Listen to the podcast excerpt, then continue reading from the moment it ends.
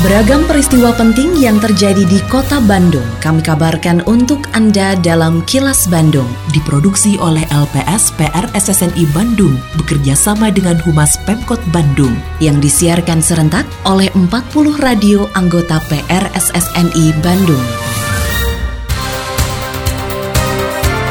Sejumlah informasi aktual kami hadirkan untuk Anda dan inilah informasi utamanya.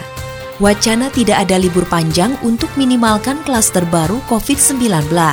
Reaktivasi teras Cihampelas ditargetkan tuntas sebelum Ramadan. Pelaksanaan vaksinasi COVID-19 dengan jemput bola perlu pengamanan ekstra. Saya, Santika Sari Sumantri, inilah kilas Bandung selengkapnya. Penerapan pembatasan kegiatan masyarakat PPKM atau yang di Kota Bandung disebut dengan pembatasan sosial berskala besar PSBB dinilai kurang efektif terutama di masa liburan. Oleh karenanya Wali Kota Bandung Oded M. Daniel mengakui tidak efektifnya pelaksanaan PPKM bukan hanya di Kota Bandung tapi juga secara nasional. Oleh karena itu, Oded sepakat dengan daerah lain di Indonesia yang mewacanakan tidak ada libur panjang, termasuk saat Hari Raya Tahun Baru Imlek 12 Februari mendatang. Hal ini untuk meminimalkan potensi munculnya klaster baru COVID-19. Menurut Oded, naik turunnya kasus COVID-19 di kota Bandung memang sedikit banyak dipengaruhi oleh adanya libur panjang. Seperti pada akhir tahun 2020, Dinas Kesehatan Kota Bandung menyatakan masih menyelesaikan sejumlah kasus akibat libur panjang Oktober 2020 lalu. Kalau bilang efektif atau tidak efektif sesungguhnya, karena kan bukan hanya kota Bandung. Ya. Sekarang ini di mana-mana juga sudah meningkat juga. Ya. Oh, ya. Nah, nah ini dampak dari kemarin kalau hampir semua ternyata nasional pun mengatakan kemarin kajian nasional juga sama dampak libur panjang itu. Kalau libur panjang sebelumnya kan nah, sekarang gitu begitu. Makanya kenapa kemarin semua kepala daerah sepakat jangan ada libur panjang begitu kira-kira. Jangan ada libur panjang. Dihadapkan dia minimalisir lah libur panjang.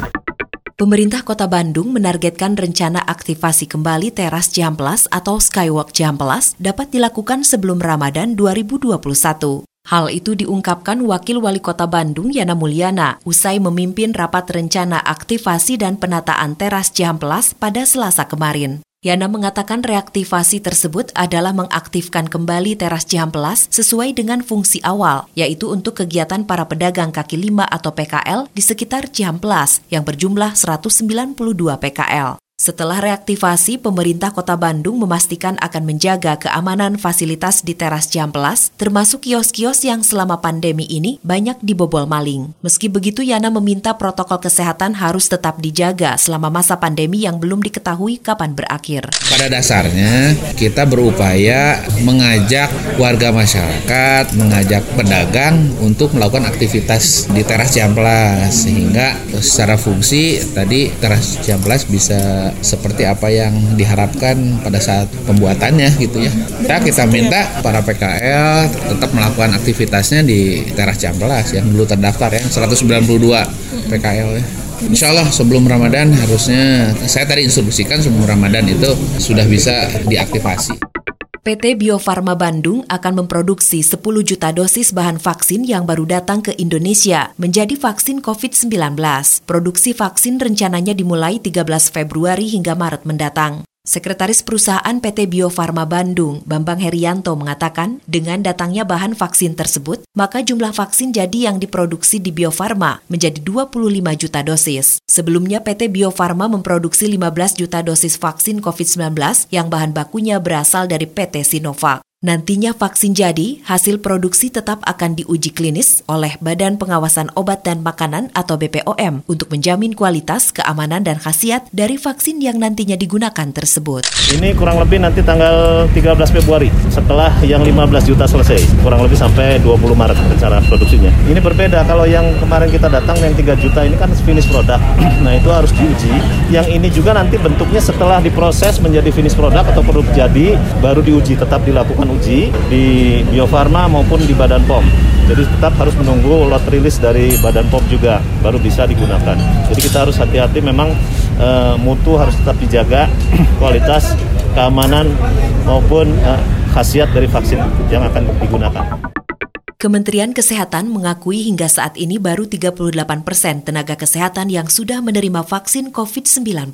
Jumlah ini masih jauh dari target sehingga perlu percepatan agar hingga akhir Februari mendatang sudah selesai pemberian dua suntikan vaksinasi COVID-19. Pelaksana tugas Dirjen Pencegahan dan Pengendalian Penyakit atau P2P Kementerian Kesehatan Max Rain Rondonuwu mengatakan, percepatan dilakukan sesuai target Presiden Joko Widodo yang mengharapkan pelaksanaan vaksinasi COVID-19 dapat selesai bagi 181 juta warga dalam waktu 300 hari. Terkait pelaksanaan vaksinasi mobile atau jemput bola, Max mengatakan hal itu perlu persiapan yang sangat matang karena vaksinasi COVID-19 perlu pengamanan ekstra ketat, kesiapan SDM kesehatan dan peralatan. Nah kalau door to door saya wakil dan kalau saya divaksin kan harus diobservasi oleh petugas kesehatan. Kalau nanti ke depan mobile dengan sasaran, misalnya ke depan pasar, itu bisa, tetapi dilengkapi dengan peralatan. Itu dan tenaga yang sampai Nah, cuman kalau mobile door to door mungkin biayanya juga besar. Perlu biaya vaksin karirnya sendiri-sendiri, ah, itu lebih banyak sumber daya yang dibutuhkan. Kalau segmen ke segmen misalnya ke depan itu bukan nakes ya, sudah ke publik, dengan pasar, kemudian ke guru kalau sudah mulai buka sekolah ya, ke guru ke sekolah itu boleh ke depan.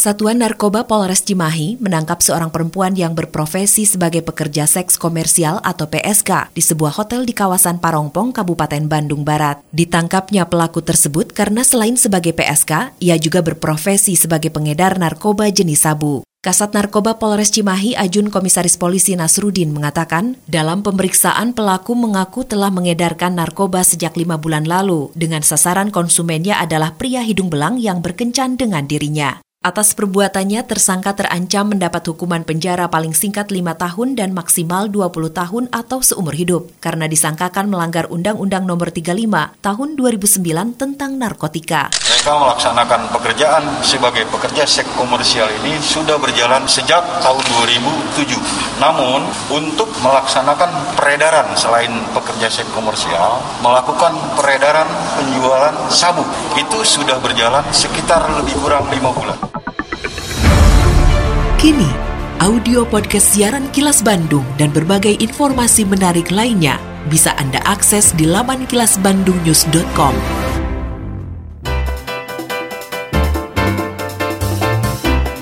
Berikut sejumlah agenda kerja para pejabat Pemkot Bandung Rabu 3 Februari 2021. Wakil Wali Kota Yana Mulyana menghadiri acara gebiar vaksin COVID-19 bagi tenaga kesehatan dan tenaga non-kesehatan untuk wilayah Jawa Barat di Gedung Sabuga ITB, Jalan Taman Sari. Selanjutnya menerima kunjungan mitra layanan aplikasi online. Selain agenda kerja para pejabat Pemkot Bandung, informasi dari Humas Kota Bandung, yaitu pemerintah Kota Bandung mengalokasikan dana sekitar 4 miliar rupiah untuk membiayai proses penanganan jenazah COVID-19. Dana tersebut termasuk tenaga tambahan pemikul jenazah yang saat ini dijadikan pekerja harian lepas atau PHL oleh Dinas Tata Ruang di TPU Cikadut. Sekretaris Daerah Kota Bandung Emma Sumarna mengatakan, alokasi dana tersebut didapat setelah berdiskusi dengan Kepala BPKA dan Kepala Distaru Kota Bandung sebagai operasional selama 11 bulan ke depan. Emma yang juga Ketua Satuan Tugas Percepatan Penanganan COVID-19 Kota Bandung mengaku sudah melaporkan hal tersebut kepada Wali Kota dan Wakil Wali Kota Bandung agar tidak ada lagi persoalan mengenai penanganan jenazah COVID-19 ke depannya. Demikian agenda kerja para pejabat Pemkot Bandung dan info aktual yang diterima redaksi LPSPR SSNI Bandung dari Humas Pemkot Bandung. Tetap patuhi protokol kesehatan di masa adaptasi kebiasaan baru untuk memutus penyebaran COVID-19. Selalu memakai masker, mencuci tangan, menjaga jarak dan menghindari kerumunan, serta mengurangi mobilitas agar terhindar dari terpapar virus corona.